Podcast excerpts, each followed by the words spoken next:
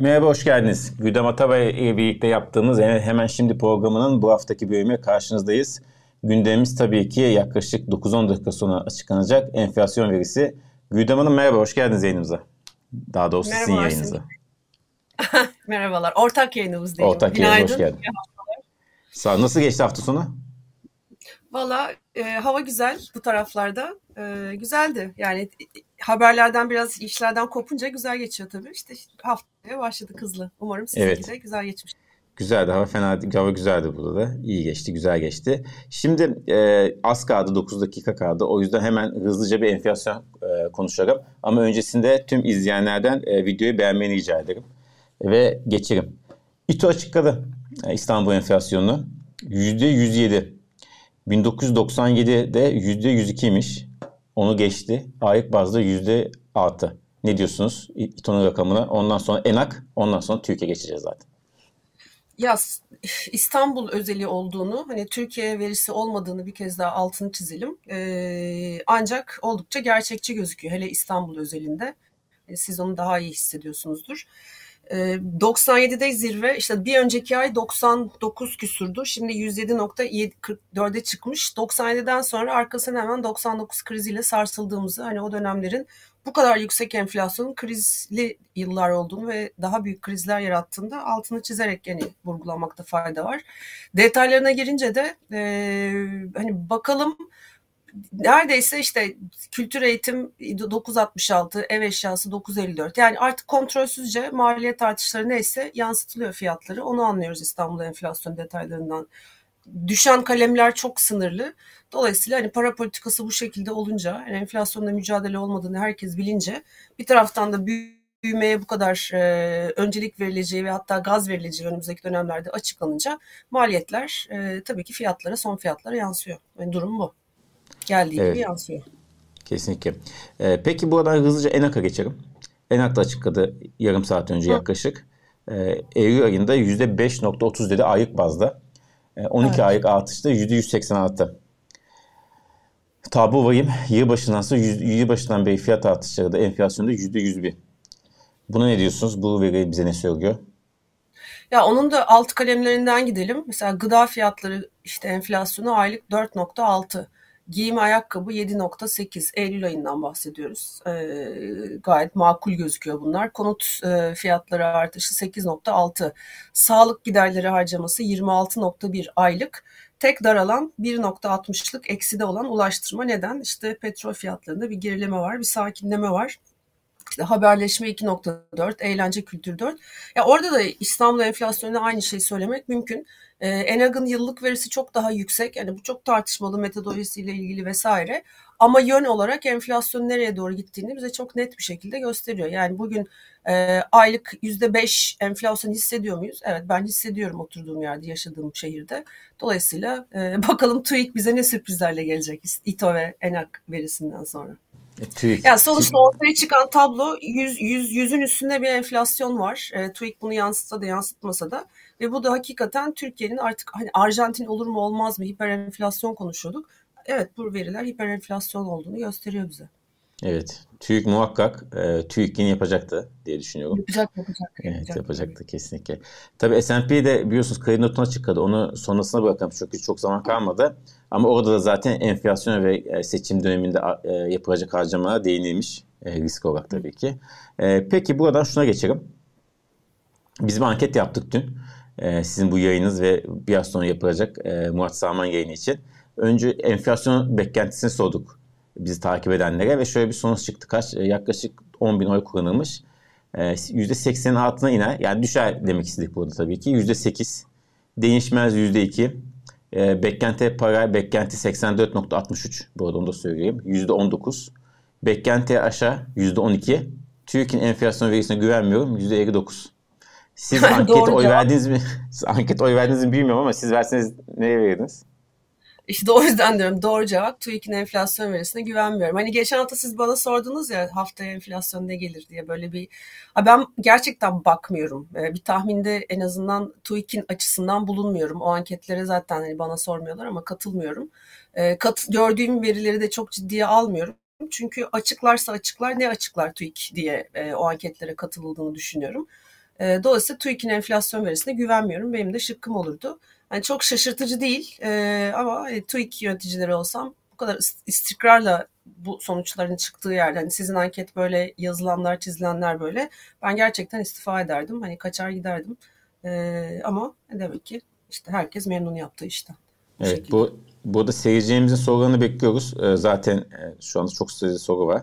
E, hatta bir tanesini söyleyeyim. E, tamam. Fikri uzun yazmış. İlk soru oydu. E, onu söyleyelim. Eğer enflasyon pik yapmadıysa enflasyon neresindeyiz? Yani tabii bunu veriden sonra da konuşmak lazım ama sonuçta dediğiniz gibi veri çok da gerçekçi olmadığı için beklemeye de gerek yok. Ee, sizce enflasyon pik yaptı mı yapmadıysa neresindeyiz? Bence yapmadı ee, ama şeyi söylemek lazım. Ee, ne, nereden döneceğiz, nasıl olacağız? Hemen işte hani konuşacağız ama bu baz etkisi dediğimiz şey Aralık ayında yüzde 11.1 e, enflasyon vardı e, hatırlarsak yüzde 10 civarında. Dolayısıyla o seriden çıktığı anda e, biz bunun şeye geldiğini göreceğiz. Aşağı doğru girdiğini göreceğiz. Hani Aralık e, Aralık, Ocak, Şubat, Mart böyle baz etkisiyle aşağı doğru indiğini göreceğiz. Ama aylık bazda TÜİK'in açıkladığı verilerle çok da fazla bir şey değişeceğini ben düşünmüyorum. İTO enflasyonun yukarı gittiğini, Enag'ın da yukarı gittiğini bence göreceğiz. Evet. Muhtemelen Aralık'tan itibaren e, tabii ki zaten baz etkisi enflasyon düşecek ama e, TÜİK o düşüşün olabildiğini sert göstermek için de elinden yeni yapacaktı. Çünkü seçime muhtemelen o propagandaya gidecek. E, o yüzden e, tahminlerin de ötesinde bir şey düşüşüye, enflasyon düşüşüye e, karşılaşabiliriz gibime geliyor. Ya zaten hani yine çok az süre kaldı ama onu e, Cumhurbaşkanı Erdoğan'ın açıklamalarından gördük. Hani biz herkes çok şaşırmış olabilir ama e, ne kadar hızlı düşüreceğimize daha da şaşıracaksınız gibi bir açıklama. Tamamıyla işte bu baz etkisinden bahsediyor. İşte 13, 11, 5, 7'lik o seriden çıktığı zaman zaten nereden baksak kabaca bir 25-30 puan aşağıya inmiş oluyor. Ama yine altını çizelim. Gerçi bu kanalı seyredenler çok farkında bu durumun. Enflasyon hızının yavaşlaması fiyatların geri geldiği anlamına gelmiyor. Fiyatlar artmaya devam edecek. Üstelik işte S&P'de konuşacağız. Öyle bir TL'de kırılganlık var ki TL'de bir değer kaybı, bir kırılma anı daha yaşanırsa %10-15'lik belki böyle çok kısa sürede biz enflasyonun bir de yine tekrar yukarı doğru yöneldiğini göreceğiz. Evet. Bunların hepsini ne yazık ki yaşayacağız. S&P'de dediğiniz gibi Türkiye uyardı. Gerçi orada da zaten kötü bir noktadayız ama e, olsun. Peki şimdi enflasyona bir dakika kaldı. Enflasyon verisine. Eskiden daha tabii daha e, TÜİK'in verisi daha ciddi alındığı için daha heyecanlı olurdu. Es, artık eskisi kadar heyecanlı olmuyor. Ya şimdiki heyecan şey işte tek hane e, talimatı verildiğini gördük televizyondan geçen hafta. Hani gerçekten bütün bunlara rağmen oraya hemen hızlıca indirecekler mi sadece bu baz etkisiyle enflasyon bakın faiz indirdik enflasyon da eş zamanlı indi diye. Yoksa biraz daha aklı selim bu 200 bas puan indirdikten sonra hadi bir duralım Ocak Şubat'ta yapalım deneyecek mi? Ee, ben onu çok merak ediyorum. Hani indirecekleri kesin de e, böyle faizi. tempolu yüz inecek miyiz? Evet faizi. Benim orada ee, e, ben oyumu söyleyeyim anket açarsınız. Ben e, tempo, tempo indireceklerini düşünüyorum. Düşünüyorsunuz. Evet. Bu da Mehmet Bey e, bir soru yorum yap, yazmış. Onu da hemen söyleyeyim. E, baz etkisi çalışmayacak kur şokuna yakınız demiş. Ben şunu şöyle sorulaştırayım. Eğer bir kur şoku olursa e, tabii şokun büyüklüğü de önemli ama kur şoku olursa e, gerçekten baz etkisini göremeyebilir miyiz? Ya görebiliriz. Geçen sene Aralık'ta yaşadığımız gibi bir baz et, kur şoku Ekim'de gelirse mesela bunun enflasyona yansıması yine çift tane şeklinde olacaktır. Bu arada açıklandı. Evet. E, 3.08 tüketici fiyatları, e, 4.78 yüzde 151.5'da üretici fiyatları. 83.5 oldu evet. 83.5 diyoruz detaylara gelelim. Yani işte ya çok sakinler. Sonuçta işte aylık bir yönetilen bir enflasyon verisi var. Yüzde 3.08. Bu işte tatlı tatlı böyle 85'e kadar yükselme açılmıyor bu arada bende. Yükselmeye devam edecek. E, açıldı. Baz etkisi geldi de ha bakın enflasyon düştü denecek. Yani bütün senaryo, bütün hatta seçim propagandası bunun üstüne kurulu şu anda. Evet. İşte 80.21'den 83.45'e çıkmış. Ee, tüfe detayları içinde bakıyorum. İşte alkollü içecekler ve tütün 0.04, ulaştırma 0.9, giyim, ayakkabı 1.46. Gerçekten Eylül ayı için hani olacak iş değil. Gıda alkolsüz 1.97. 1.97'lik enflasyon gören var mı? Çok tartışmalı.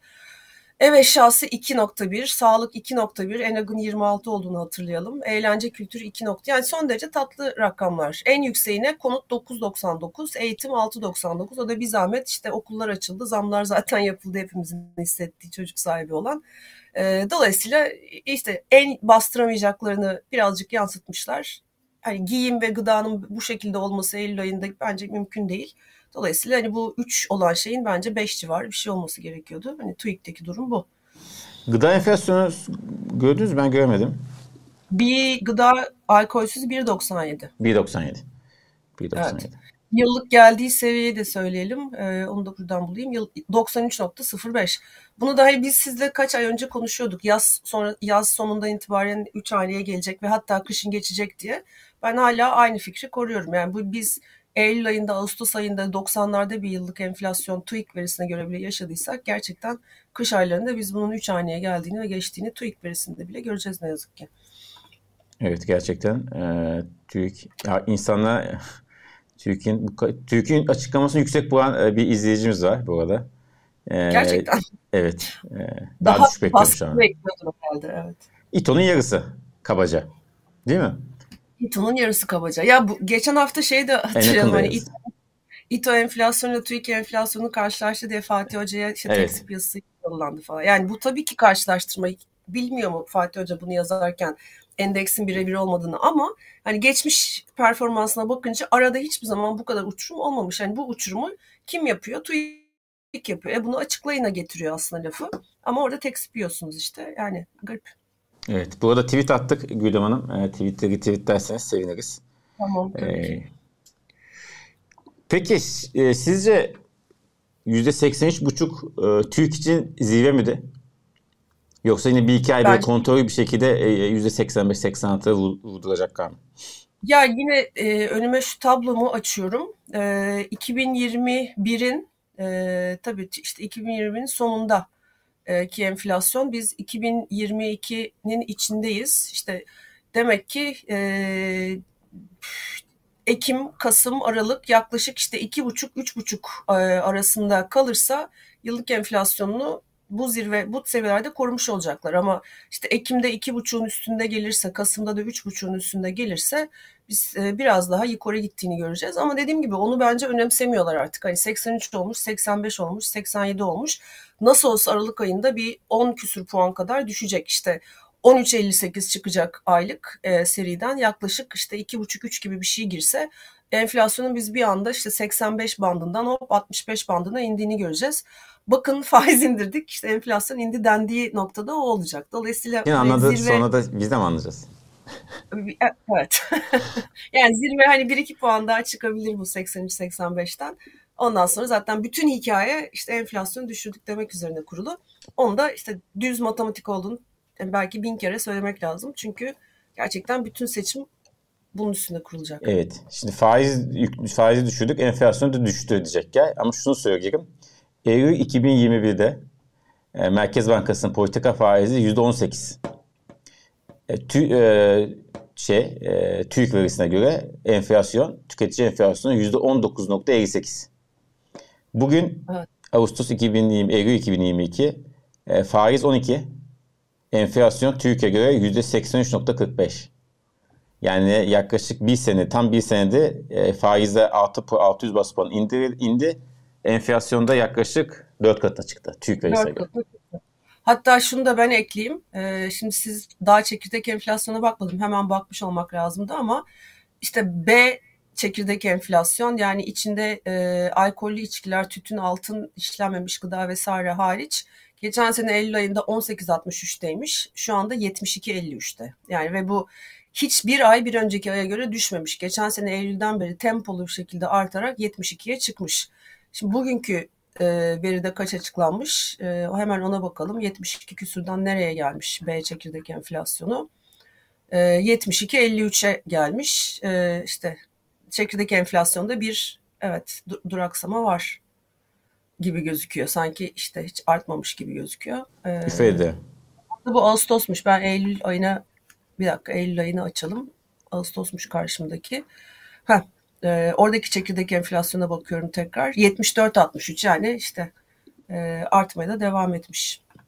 Evet. 70-53'ten 74-60. Yani bu bu zaten zirve olmadığını, olamayacağını gösteriyor bize. Evet. Maalesef öyle. Ee, peki buradan şimdi enflasyon artıyor. Ama e, sağ olsun Cumhurbaşkanı Erdoğan diyor ki biz hiç kimseyi enflasyon altında ezdirmeyeceğiz. E, bir teşekkür etmek lazım. E, çünkü fiyatlar artarsa artsın önemli olan e, alım gücüdür. Zaten herkes ekonomistler de onu söylüyor. Alım gücü esas oranda diyoruz ve Cumhurbaşkanı Erdoğan bu noktada diyor ki merak etmeyin fiyatlar artıyor ama ben sizin gelirinizi arttıracağım. Tam olarak şunu söylüyor. Yıl başında ücretlerin durumlarını, kayıplarını, kayıp olduğunu en azından e, kabul var burada tabii ki. Telafi edecek şekilde gözden geçireceğiz. Enflasyonun altında ezilmene izin vermeyeceğiz. Çok güzel. Teşekkür edebilirsiniz bence. Teşekkür edelim kendisine. Ee, şunu hatırlayalım. Ee, geçen sene işte Aralık ayında yıllık enflasyon %36'ya fırlayıp arkasından işte bugüne kadar yükselmeye devam edip %80'i geçtiğinde biz e, verilen asgari ücret artış, asgari ücret üstünden konuşalım %50 idi. O %50'nin biz yaklaşık Mart ayında yıllık enflasyonda çünkü yıllık bazda yapılıyor asgari ücrette. Geçtiğimiz sene itibariyle en öyleydi. Üzerine çıkıldığını işte Mart ayında gördük. Şimdi bu sene beklenen ne? Muhtemelen %80-90 işte bu enflasyon 85 olsa zirvesi bir zam yapılacak. Eğer az önce bahsettiğimiz gibi %65'ler civarına iner de %70 gibi bir şey yapılırsa bu zaten çok çabuk erimiş olacak. Biz baz etkisi yılında e, enflasyonda hiçbir gerileme görmeyeceğiz. Baz etkisi geçtikten sonra da TL'nin değerine ve para politikasızlığa ve tabii ki işte büyümenin desteklenmesi, kredi musluklarının, kamu harcamalarının açılmasına bağlı olarak enflasyon imelendiğini de göreceğiz. Dolayısıyla bu yapılan enflasyonu kontrol etmedikçe yapılan düzeltmeler, zamlar da çok e, gerçekten teşekkür edecek bir durum yok. Çünkü hem arkasından geliyor, hem eriyor hem enflasyonu besler nitelikte oluyor. Ee, hani o meşhur tartışma var ücretlerin üstüne yüklenmeyin işte heterodoks, ortodoks vesaire hani onu kenara koyalım. Eğer enflasyonla gerçekten mücadele etmiyorsanız bu ücret artışları ne kadar e, hani üstünde yaparsanız yapın e, dönüp dönüp enflasyonu besliyor ve e, enflasyonun altında eziliyor daha da kötü olan. Dolayısıyla hani enflasyonla mücadele yoksa bu sadece seçim amaçlı seçim şovu olmuş oluyor. Eriyeceğini de hepimiz biliyoruz belli bir vadeyle. Evet. Ee, peki buradan hafif bir siyasete geçiş yapalım. Tekrar ekonomiye döneceğiz. Konu çok. Ulaş Hanoğlu e, size sormuş. E, AKP'deki oy düşüşü durdu. Halk enflasyona alıştı mı Güdem Hanım? E, halk Derken. bence enflasyona alışmadı. E, enflasyon yaz aylarında zayıfladı. E, hem TL'nin işte biz rezervleri sattı, sata sata devam ede de e, bu yolda. Bir taraftan turizm mevsimi gerçekten pandeminin sadece Türkiye'de de dünyadaki bütün turizm geliri olan ülkeler için çok iyi bir sezon oldu son iki seneye göre.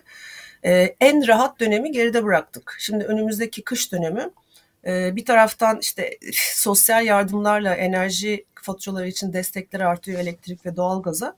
Ama oradan bir darbe yiyeceğiz. Bir taraftan e, işte sonbahar aylarında e, enflasyonun kış şekilde hızlanması, yıllık düşse bile aslında alım gücümüzün iyileşmediğini hissedilmesi bütün bunlar zorlayacak. Ee, hani TL'de bir tür değer kaybı daha olursa ki hani olması an meselesi e, ne kadar zaman öteleyebilirler bunu yapay yöntemlerle onu bilmiyoruz. Çünkü kaynak girişleri işte oradan buradan bir şeyler geliveriyor. Bir anda Rusya'dan para geliveriyor. Dolayısıyla ben hani ona inanmıyorum. Ee, yani enflasyona alıştığını düşünmüyorum insanların. Sadece rahat dönem geride kaldı. Bir takım olumlu açıklamalar vardı. İşte TOKİ'di işte böyle bir seçim harcamaları vesaire. Onun ötesinde kış aylarından sonra bir Şubat'ta falan tekrar bakmak lazım oylara.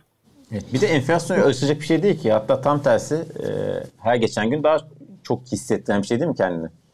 Sonuçta ilk, ilk başta yani, biraz da insanın dayanma gücü oluyor. Yani daha birikimli oluyor. Onları devreye sokuyor falan. Ee, biraz daha geçer diyor falan. Kısa süre bir şey değil falan diyor ama gün geçtikçe, süre uzadıkça taşınması zor büyük olmaya başlıyor yüksek enflasyon. Öyle insanın. bir de şeyi de unutmayalım ekonomik büyüme tarafında işte kredilerde e, hem kredi verelim faizi indirelim hem de çok kredi verdik bunu bastıralım. Bastırırken işte yapay polisiye önlemlerle bastıralım. İşte şirketlere verilen kredi faizleri düşsün ama tüketicinin kredi faizi enflasyona göre düşük ama nispeten yüksek kalsın. Yani bütün bunlarda bir de e, hem yine baz etkisiyle hem doğal akışı içinde hem de Avrupa'da resesyon başladığı için E, biz ekonomik büyümede de yavaşlama görmeye başlayacağız. Belki e, olayların yurt dışında sertleşmesine göre son çeyrekte bir daralma bile görebiliriz. Dolayısıyla zorlu bir süreci şimdi başlıyoruz. Evet, kesinlikle. Peki buradan S&P'ye geçelim. E, Cuma akşam saatlerinde açıklandı yanlış hatırlamıyorsam. Türkiye'nin notu e, B6'dan B'ye düşürdü. E, görünümü ise negatiften durağına çevirdi. Tabii not düşürdüğü için onu öyle yapıyorlar. E, gevşek para politikası, düşük döviz rezervi, Türkiye arasındaki kırılganlık, seçim öncesi e, yüksek büyüme için atılacak teşvikler yapılacak adımlar, atılacak adımlar e, açıklamada kısaca bunlar yaradı. E, gerçi Türkiye'nin zaten kredi notu diğer kurumlara göre 3 kurumda çöp zaten. Ama yine de e, en azından dediğiniz gibi enflasyondaki gidişatı gösteriyor. Yani e, çöp ama daha da çöp mü artık? Daha da kötü. E, ne diyorsunuz S&P'nin Türkiye değerlendirmesine? dış güçler diyorum dermişim. Ee, ya şey tabii şimdi S&P kibar kibar e, neyi söylüyor? Sizin yaptığınız bu arada büyümeyi de güncellediğini unutmayalım. Büyümeyi de yukarı doğru güncelledi. Çünkü büyümenin e, ekonomideki diğer yarattığı bozulmaları aslında işaret ediyor. E, işte ekonomi politikaları içinde ne, ne diyor S&P? İşte hem para politikası hem maliye politikası diyor gevşek para politikası da işte aşırı gevşek para politikası olduğunu biliyoruz. Eksi yüzde 65'lere çıkan bir reel faiz var. Belki hani son hesaplamadım daha da yüksek.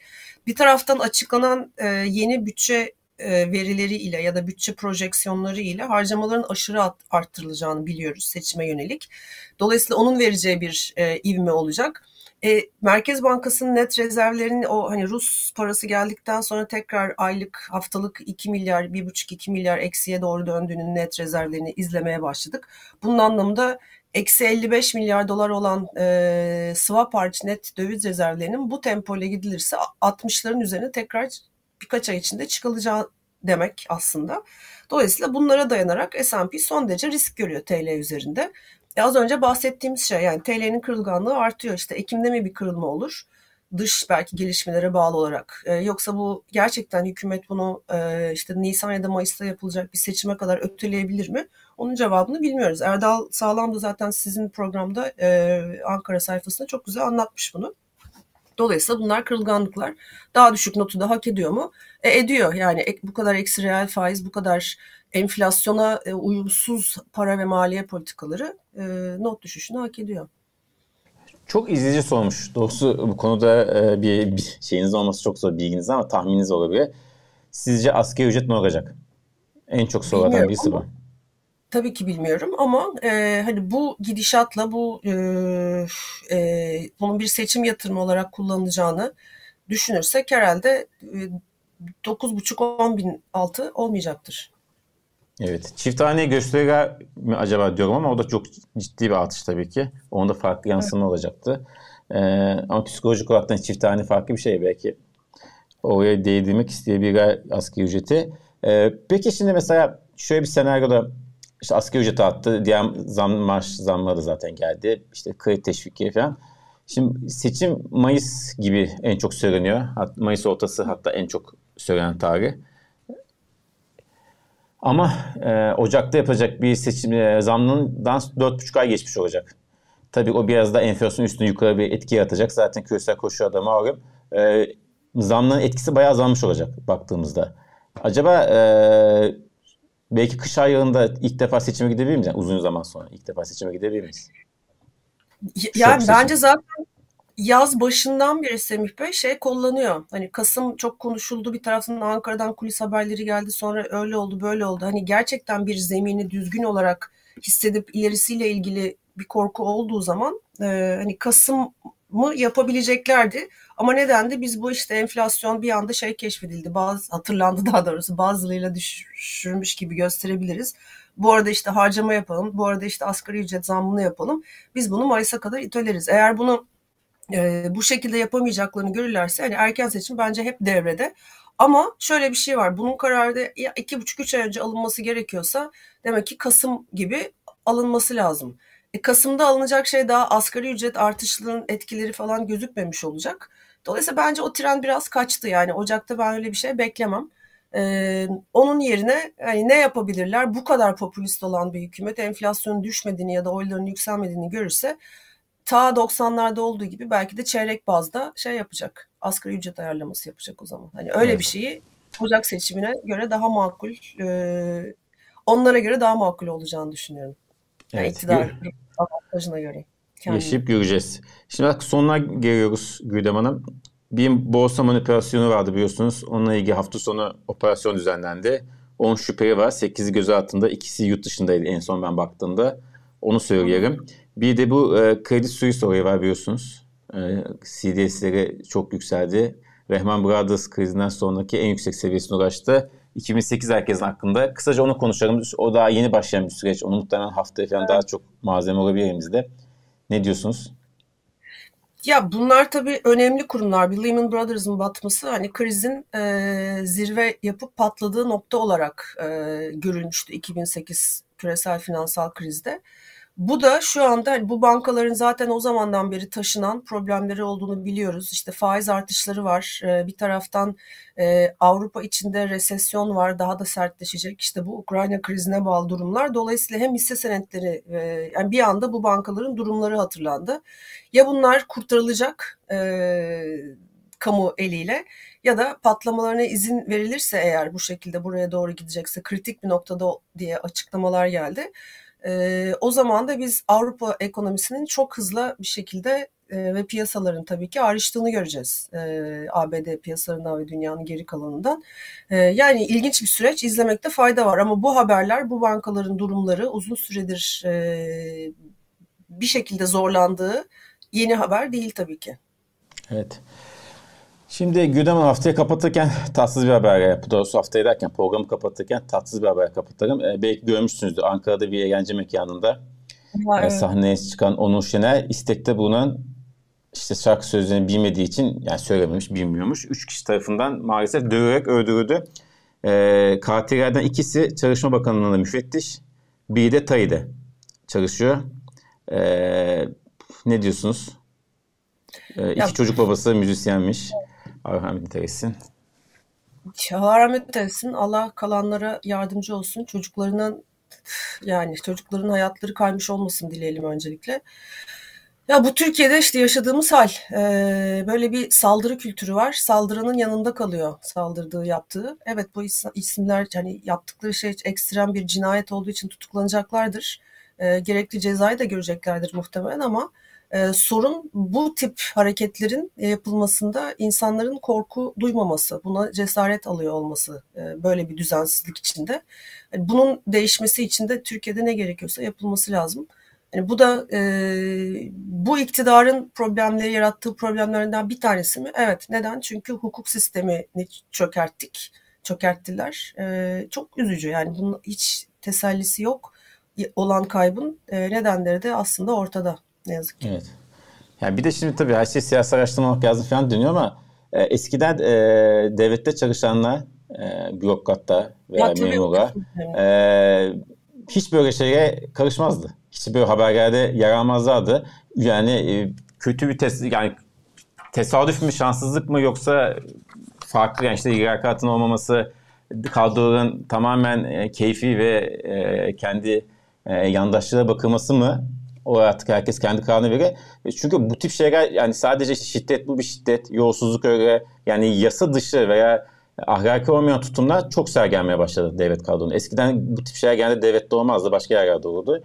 Onu da belirtmek lazım ki bu yani bu çok uç bir örnek tabii ki cinayet. Evet uç çok uç bir örnek ama e, ortalamayı da biraz e, yansıtması açısından önemli. Hani dediğinize ek olarak şunu da belki söylemek lazım. Hepsine katılmakla birlikte. Hani hem memurluğun bir ağırlığı vardı hakikaten devlette çalışıyor olmanın. Hem de e, hani geldiğimiz Türkiye düzeninde devlet memurları da dahil o partizanlıktan işte liyakatsizliğin tersi partizanlık oluyor.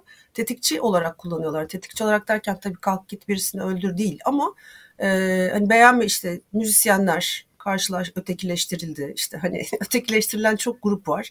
E, konser yasakları vesaire. Bunlar hep böyle hani o gruba, müzisyen grubuna şu anda örnek olduğu için söylüyorum. Her şeyin yapılmasının mübah gören e, işte alt kitleleri ortaya çıkarıyor demek ki. Yani bu, bu çok tehlikeli gidişat.